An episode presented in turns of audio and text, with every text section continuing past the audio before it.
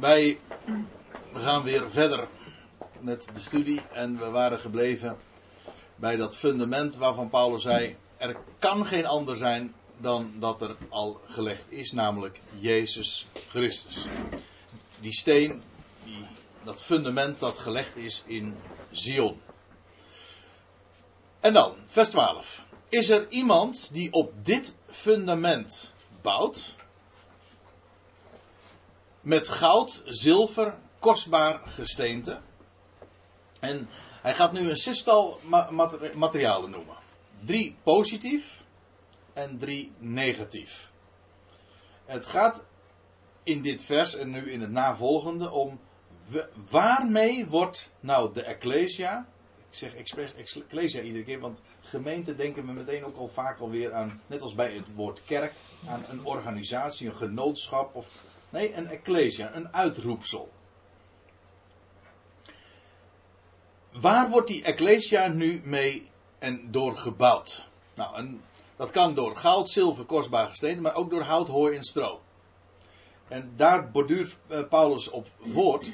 Maar het lijkt mij nuttig om daar toch eens wat uh, nader bij stil te staan. Want als je je bezighoudt met wat dat in de Bijbel voorstelt: goud, zilver en kostbaar gesteente aan de ene kant, en aan de andere kant hout, hooi of stro.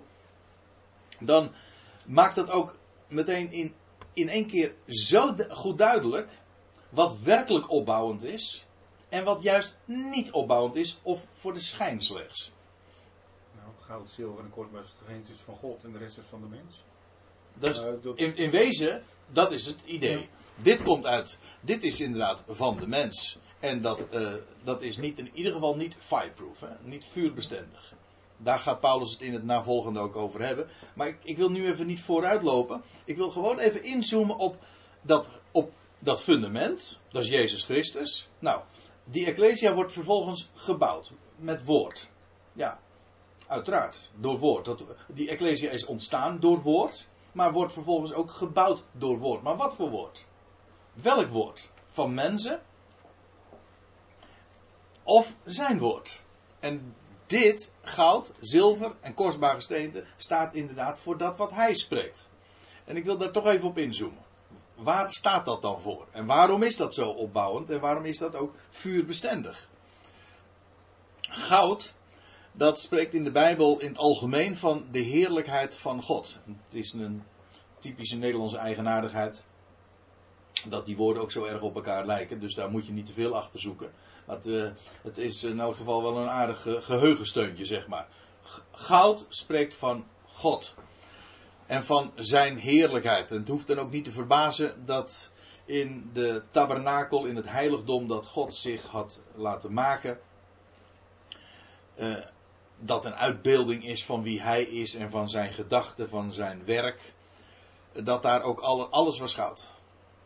In dat, in, dat aller, in dat heilige, maar ook in dat allerheiligste. Daar, daar uh, ja, vond je deze attributen. Ik, ik, geef zomaar een aantal voorbeelden, want het zou uh, met vele nog toe te voegen zijn. Maar ik, in die, de tafel van de toonbroden was van gedegen goud.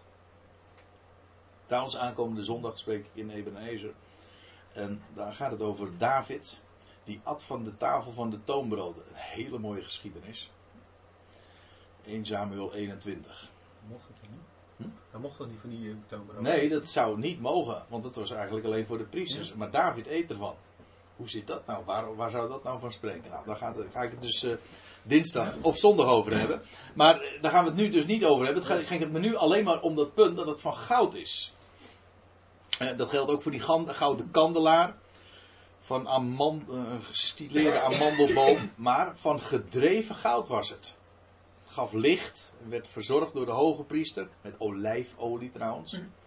Ook weer een beeld van onvergankelijk leven. En dat geeft licht. En de ark van het verbond was weliswaar een houten kist. Hetzelfde woord, het woord kist.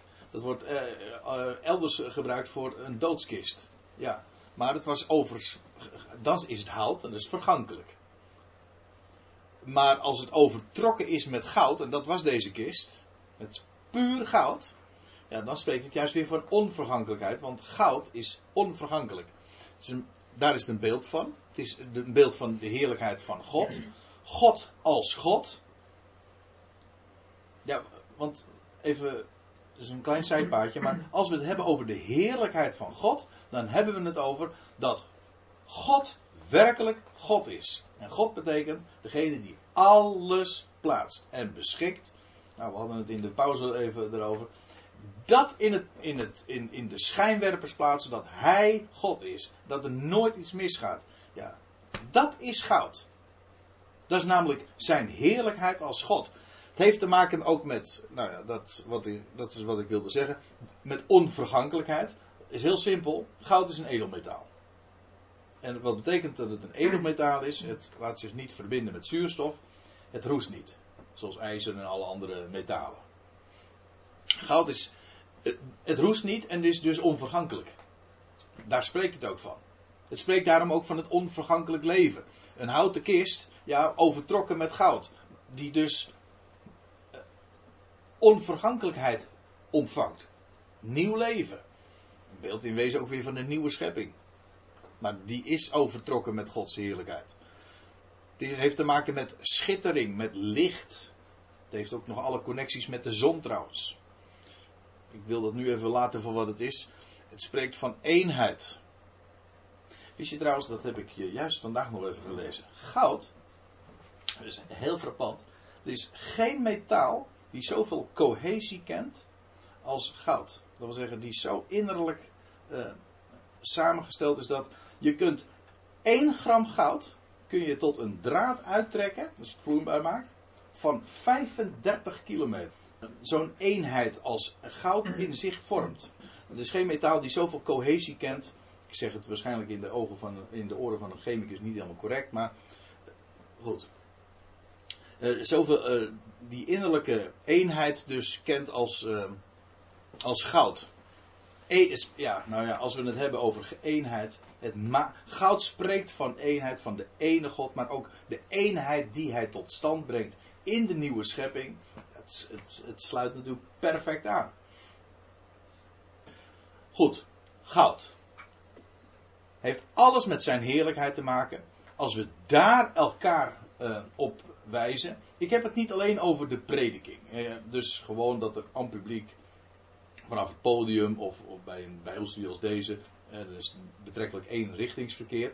Maar gewoon in het algemeen. Het waardoor wordt de Ecclesia gebouwd? Dat is niet alleen maar van één leraar die de andere toespreekt. Ook natuurlijk. Maar de Ecclesia eh, is daar waar gelovigen samen zijn.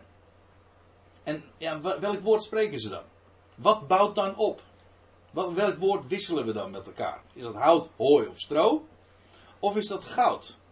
Ik bedoel dat heel concreet. Gewoon het woord wijzen we op hem, op zijn heerlijkheid. En, en daarmee ook de eenheid beleven. Is dat schittering? Wat mij betreft, dit is echt een schitterende boodschap. En over zijn heerlijkheid, hè, de onvergankelijkheid. Dat is met recht schitterend, stralend, geweldig. Goud. Dat bouwt op. Onderling ook. Uh, dat bouwen met goud, Paulus noemt vervolgens zilver. Zilver in de Bijbel is, heeft te maken met de prijs. Uh, in de Bijbel is een zilverstuk iets waarmee gekocht wordt. Bij ons juist weer niet. Wij, spreken over geld. Maar geld komt weer van het woord gold. Dus gulden. Guldenvlies. Dat is dus goud. Maar in de Bijbel is zilver juist een uh, uitbeelding van, van de prijs. Nou, als we het hebben over de prijs, is het niet zo moeilijk om de, de, de typologie daarvan te verstaan. Want de prijs die betaald is, is uiteraard de losprijs. 30. Ja, de 30 uh, zilvers, dus 30 zilverlingen, ja. Dat heeft ook weer met te maken met de prijs. Van, en het offer van Christus. Maar wat dacht u van dit woord? Dat is de eerste associatie die ik bij uh, die ik leg als we het woord zilver of prijs uitspreken. In, Paul, in 1 Timotheüs 2 zegt Paulus, vers 5, want er is één God. Ook één middelaar van God en mensen. Namelijk de mens Christus Jezus. Eén zo'n vers is denk ik wel eens dynamiet voor, voor alle menselijke theologie. Maar dat is dus hout, hooi en stro. Eén God. Eén middelaar. Niet de Godmens, maar de mens Christus Jezus. Nou, daar gaat het nu even niet om, maar ja, ik, ik noem het omdat Paulus daarover schrijft. En dan zegt, zegt hij van die mens Christus Jezus, die, die een middelaar is, die zich gegeven heeft tot een losprijs voor allen. En daarvan wordt getuigd de juiste tijd, zegt hij dan.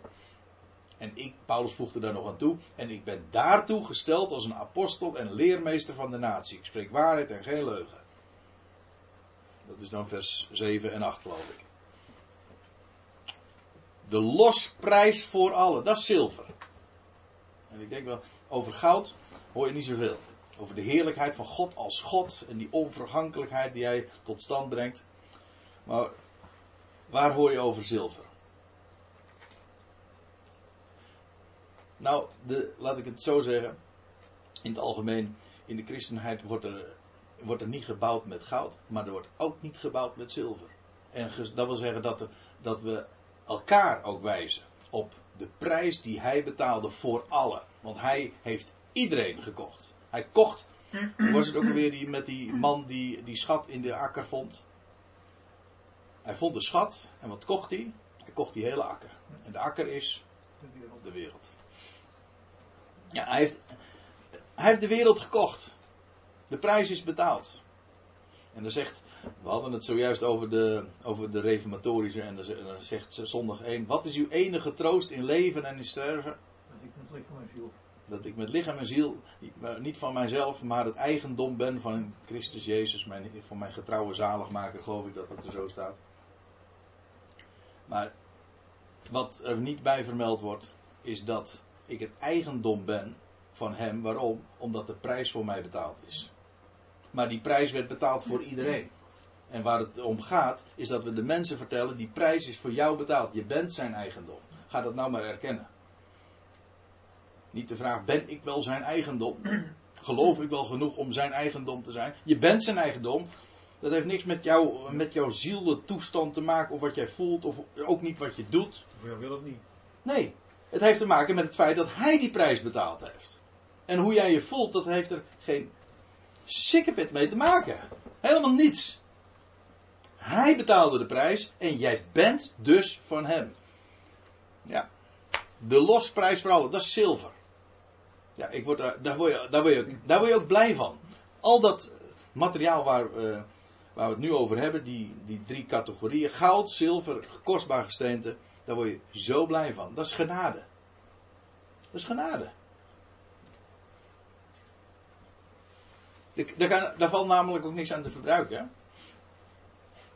Het, het wordt niet meer als ik ervan hou. Het wordt niet minder als ik er niet van hou. Het is onvergankelijk. Het is, het is wat hij gesproken heeft. En Paulus noemt nog iets. En dat is kostbaar gesteente. Ja, ik kan het niet helpen, maar ik moest, uh, toen ik in, in, de voorbereiding aan dacht, meteen denken aan de borstplaat van de hoge priester. Maar dat zal wel te maken hebben met het feit dat ik er onlangs over gesproken heb. Want er zijn nog meer dwarsverbindingen te leggen hoor, met het kostbaar uh, gesteente. Maar ik vind dit wel een hele mooie. In die borstplaat van de hoge priester waren twaalf edelstenen kostbare stenen. En waarom waren het edelstenen? Want ze laten licht door. Hè? Dat is wat een edelsteen een edelsteen maakt. Met daarin gegraveerd de namen van de stammen van Israël.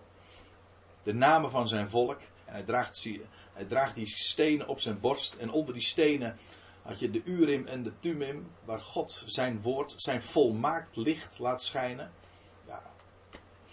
kostbaar gesteente. Het is de veelkleurige wijsheid van God. Dat is een uitdrukking uit Efeze 3.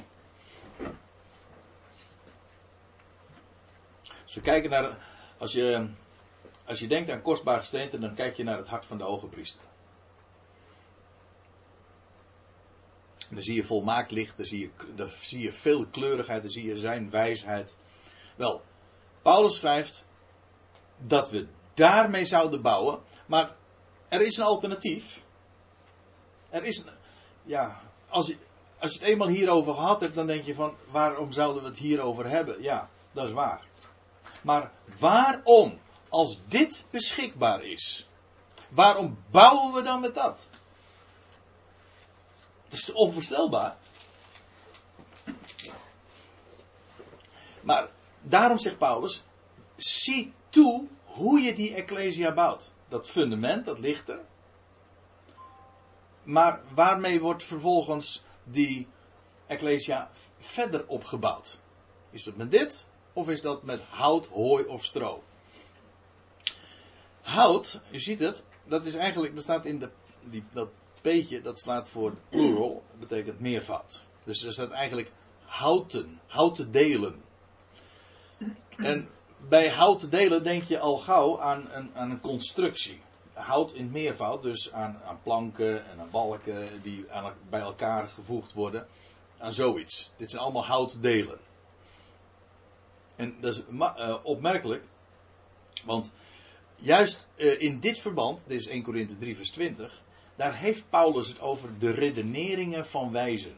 Tussen aanhalingstekens. En dan zegt hij erbij, uh, God weet dat de redeneringen van de wijze ijdelheid zijn. Hoe staat het er? Ijdel zijn. Ja, ijdel, leeg. De MBG-vertaling zegt vruchteloos. Allemaal hetzelfde.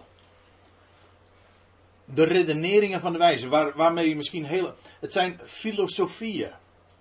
Hele, hele denkconstructies die misschien imposant zijn. Je kunt er geweldige bouwwerken mee maken. Maar laat ik u dit vertellen: op het moment dat het vuur, dat wil zeggen God het gaat testen, blijft hier niks van over. Met het goud, zilver en edelgesteente, dat blijft. En dat is eh, de vergelijking die Paulus hier ook in dit gedeelte maakt. Het gaat er juist om, als Gods test er overheen gaat, dan zal blijken de waarde van het materiaal. En dan gaat het niet om hoeveelheid. Want je kan hier geweldig veel en imposante dingen mee maken. Maar het gaat niet om, het gaat niet om kwantiteit, het gaat om kwaliteit. Waarmee bouw je? Met houten delen. Dit zijn allemaal redeneringen. Heel ingenieus, knap in elkaar gezet. Ja, maar als het, van, als het allemaal uit de mens zelf voortkomt. Constructies, begrippen, dogmatieken of theologieën. Je kunt er hele bibliotheken mee vullen. Die trouwens ook heel erg brandbaar zijn. Maar het dan is het gewoon hout. Als het uit de mens zelf komt, is het gewoon hout. Het komt uit de aarde voort. En hooi en stro, wat dacht u daarvan? Dat ligt een beetje in dezelfde categorie, is ook zeer uh, licht ontvlambaar, zeg maar. En dat is leuk, want ik uh, ben daar nog eens een keer op ingedoken, uh, bij, nog verder ingedoken. Dat was bij een vroegere gelegenheid al. En wat blijkt, hooi en stro, dat is een ingrediënt in de Bijbel van tichelstenen. Kijk, hooi is gewoon verbrand gras. Nee, hoe zeg je, verdroogd gras. En stro, dat zijn de stoppels die overblijven na de oogst. Van de graanoogst. Ja. Dus, maar goed, de begrippen worden min of meer uh, in, het, in elkaars verlengde gebruikt. Een hooibaal, strobaal, het is allemaal niet zo gek veel verschillend. Het is trouwens wel opmerkelijk dat we het allebei uh, maar dat is een Nederlands woordgrapje hoor. We noemen het allebei, allebei balen. maar dat is ook een werkwoord, hè? Ja. En ik, dat is al zo'n heel frustrerend begrip. Hooi en stro, strobalen. Ja. Maar uh, even serieus. Uh, het is een ingrediënt van tichelsteen. Nou, dan ga ik u even meenemen. Want wat is tichelsteen? Tichel is een oud Nederlands woord voor tegel. Maar gewoon een baksteen, zeg maar. Een, Eerst, nee, ja, daar ga ik ook nog wel even naartoe, naar uh, de eerste keer dat dat vermeld wordt. Maar je leest in Exodus 5 en die is wel heel frappant, over stro. Daar gaat het over de geschiedenis dat Israël, het volk van Israël, in, in Egypte is. En dan gaat Farao op een gegeven ogenblik de last nog verzwaren. Zodat Israël nog meer ging balen. Hè? Ja. Want dan staat er in vers 7 van Exodus 5. Gij moogt het volk, dat zegt de farao tegen, tegen de opzichters van de Egyptenaren. Gij moogt het volk geen stro meer geven, want dat deden ze voorheen, om tichelstenen te maken, zoals gisteren en eergisteren, dat wil zeggen, zoals tot dusver. Zij moeten nu zelf stro gaan verzamelen. Dus zij waren altijd maar bezig met die tichelstenen, met die bakstenen, maar die bakstenen, daar, uh, een ingrediënt daarvan was stro dus. Het waren, uh, ja, waar, waarvoor die bakstenen dan ook verder gebruikt werden, misschien wel voor piramides te bouwen, weet je veel. Maakt nu even niet uit, maar voor die tichelstenen, die bakstenen, moest uh, stro gemaakt worden, maar nu moest Israël dat zelf nog gaan, gaan verzamelen stro als ingrediënt van uh, tichelstenen. Nou, ik zei al, stro is, het is erg brandbaar, dat is waar. Maar in dit geval is het, is het, werpt het nog een keertje licht op iets bijzonders. Want tichelsteen, daar heeft de Bijbel het helemaal niet zo op. En waarom? De eerste keer dat je het namelijk vindt is in Genesis 11. En dan lees je, en zij, dan gaat het over de mensen die daar samen drommen in de vlakte van Sidia. In Babel. Afgelopen zondag heb ik daar nog een bijbelstudiedag over gehouden. Over Siniar, die vlakte in de Eufraat-delta. Nou, daar gingen ze toen een stad bouwen. En die stad kreeg de naam Babel. En wat zeiden ze tegen elkaar? Uh, welaan laten wij tichelen maken. Tegels, bakstenen. En die goed gebakken. En de tichel, die diende hun tot steen en het asfalt diende hun tot leem. Is de eerste keer dat er gebruikt, dat er gesproken wordt over tichel. Tot dusver maakte men uh, bouwwerken met natuursteen. Maar nu gingen ze zelf stenen bakken. Niet stenen die dus voorradig waren uit Gods schepping. Stenen die God als het ware zelf had geleverd. Nee, ze gingen nu zelf stenen bakken. Het stro en hooi natuurlijk erbij. Dat is heel eigenaardig. En daar werd Babel mee gebouwd en die toren. De Babel is gebouwd van bakstenen. Niet van stenen die God had gegeven in zijn schepping. Dat wordt hier ook zo erbij vermeld. De tichel diende hun tot steen. Dat wil zeggen, ze hadden altijd gewoon steen. Dat wil zeggen natuursteen. En nu, uh, nu maakten ze zelf stenen. Dus in plaats van stenen die God maakt, ging men zelf stenen bakken. Het gaat dus eigenlijk over eigen baksels. Weer over eigen werk. En dan begrijp je ook meteen de link met hooi en stro, want het is allemaal brandbaar. Gewoon dat wat de mens produceert. Eigen werken. Frustratie. Vraag het Israëlieten maar. Je leest trouwens ook in Jezaja, ik meen 65, dat er staat: Dit volk onteert mij doordat ze offers brengen op de tichels ik ben even vers kwijt waar dat dan staat, maar als u uh, uw best doet, uh, dan kun je het zo in een concordantie terugvinden. In de, in de afgodendienst werd kennelijk, uh, was, dat tichel was, speelde een rol en men maakte dus een altaar van tichel. En, en God wilde dat niet hebben. Dat men offers zou maken, zou brengen op tichel. Want dat is namelijk iets van de mens zelf, wat ze zelf gebakken hebben. En daar heeft God het niet ik vind dat, het, past allemaal in het lijn. Het, gaat niet om eigen werk, het gaat om zijn werk. En om bij hem te komen. En dan ga ik nog eventjes een gedachtesprongetje maken. Maar heeft ook met tegel te maken. Om bij hem te komen moet je de tegel eerst wegschuiven. Ik denk nu aan die geschiedenis van die verlamde. Die bij Jezus wilde komen. Maar ze konden niet vanwege die mensenmassa, van al die schriftgeleerden en zo die om Jezus heen stonden. En ze konden, vanwege de mensenmassa konden ze niet bij hem komen. Toen gingen ze het dak op. En toen moest, het, toen moest het dak eraf, weet je wel. En dan, dan lees je, en ze, de, de, tichel, de tichels hebben ze toen verwijderd. En toen, toen ontstond er een gat en toen konden ze zo bij Jezus komen. Dus de tichel moest weg en zo konden ze bij hem komen. Weg met de eigen werken en zo komen wij tot Hem. En wat zei hij? Sta op. Nieuw leven. Opstanding. Nou ja. Tichel, mensen, het is. Uh, het, het ligt allemaal in dezelfde lijn als hooi en met stro. Dat is een ingrediënt. Het heeft te maken met eigen baksels, eigen werken. Zodat je uh, ziet dat die drie alles met elkaar te maken hebben. Dat wat de mens produceert aan denken, aan stelsels, aan constructies. Ik bedoel ook in abstracte zin, theologieën, maar ook hooi en stro, eigen werken. Alles wat de mens zelf produceert. En het staat haaks op wat God maakt en doet. Goud, zijn heerlijkheid. De prijs die hij betaalde. Het hart van de hoge priester, het kostbare gesteente, zijn veelkleurige wijsheid.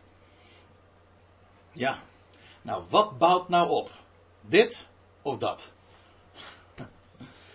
Waar bouwen wij mee? En dan lees je ieders werk, want ik moet het even afmaken, tenminste in ieder geval deze gedachte, want we, Paulus gebruikt deze beeldspraak juist vanwege die vuurbestendigheid. Dat blijkt uit vers 13, ik heb het al een paar keer aangegeven, maar vers 13 zegt dat expliciet. Ieders werk zal aan het licht komen. Dat waar we, waar we mee gebouwd hebben in dit leven, elkaar, onszelf, gewoon de, waarmee de Ecclesia gebouwd wordt, in de ruimste zin van het woord.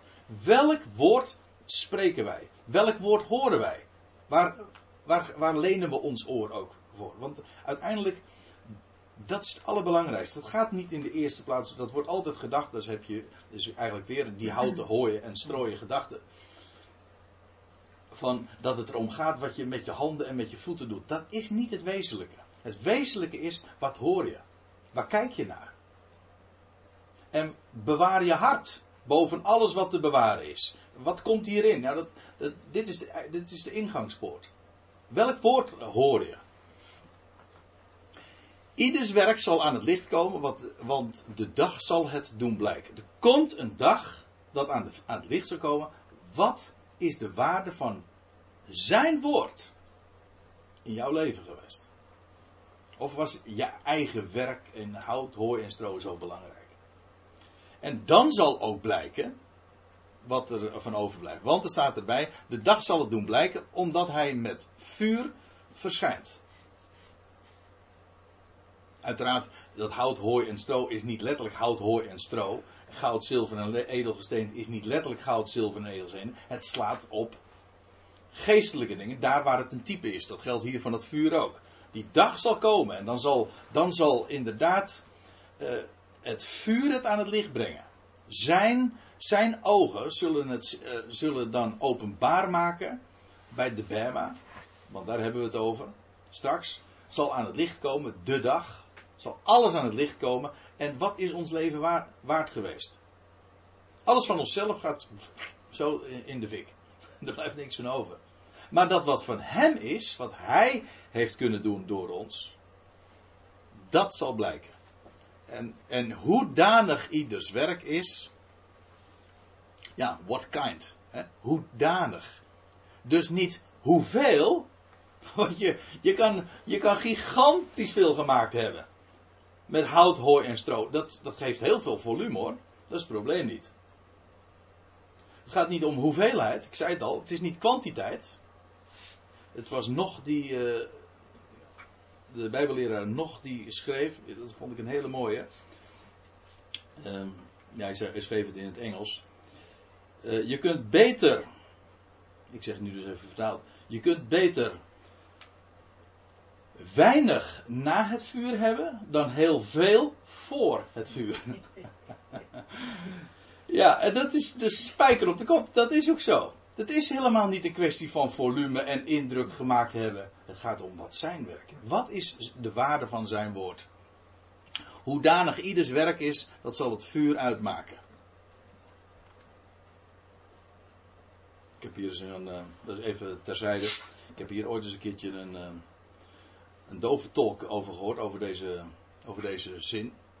Hoe onmogelijk het is om deze de Bijbel, om dit woord als dove tolk door te geven. Want hoedanig ieders werk is, als je dat dan letterlijk neemt, dat zal het vuur uitmaken. Want dat, dat, dat zou je kunnen opvatten als over, dat moet het vuur uitmaken. Weet je wel, doodmaken.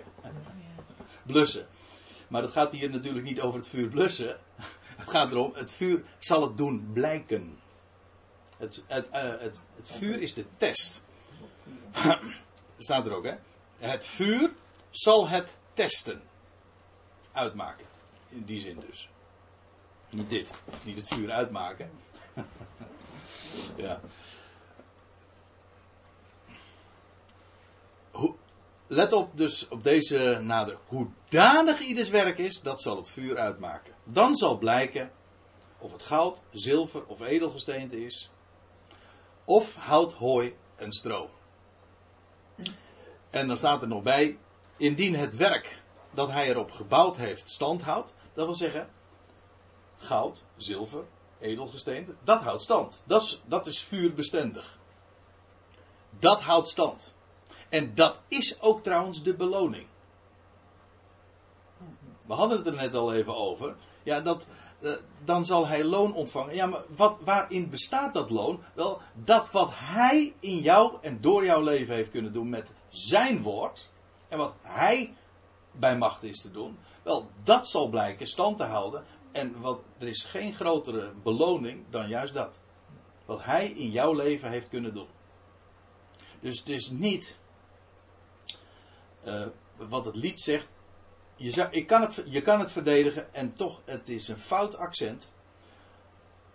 Misschien uh, sneuvelt er een kostbaar lied. Maar al wat gedaan werd uit liefde voor Jezus, dat houdt zijn waarde en zal blijven bestaan. Het is te verdedigen, maar ik zou veel liever zeggen. En dat is het accent wat Paulus legt. Het is niet al wat gedaan werd uit liefde voor Jezus, alsof het om onze liefde voor Hem gaat. Nee, het gaat om Zijn liefde door ons. Paulus schrijft in 2 Korinthe 5: De liefde niet voor Christus dringt ons. De liefde van Christus dringt ons. Dat wil zeggen, Zijn liefde voor, voor allen, want Hij gaf zichzelf voor allen. Zijn liefde, dat dringt ons. Onze liefde, mensen praten niet over.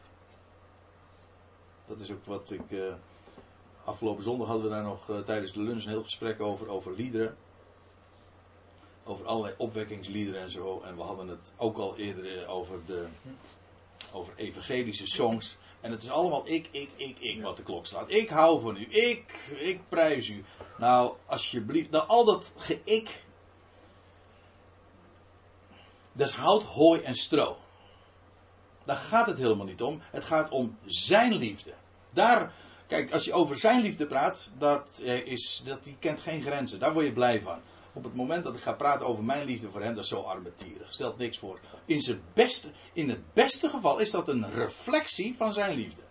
En wij hebben lief omdat hij ons eerst lief had. Maar als ik spreek over zijn liefde, ja, dan maakt dat iets wakker. Maar praat niet over je eigen, over onze liefde voor hem. Want dat houdt ook geen waarde. Dat, zal blijven niet, dat blijft niet bestaan, maar zijn liefde. Dat blijft bestaan. En dat is de grootste, het grootste loon wat je je maar kunt bedenken. Ik stel voor dat we het daar ook maar even bij houden.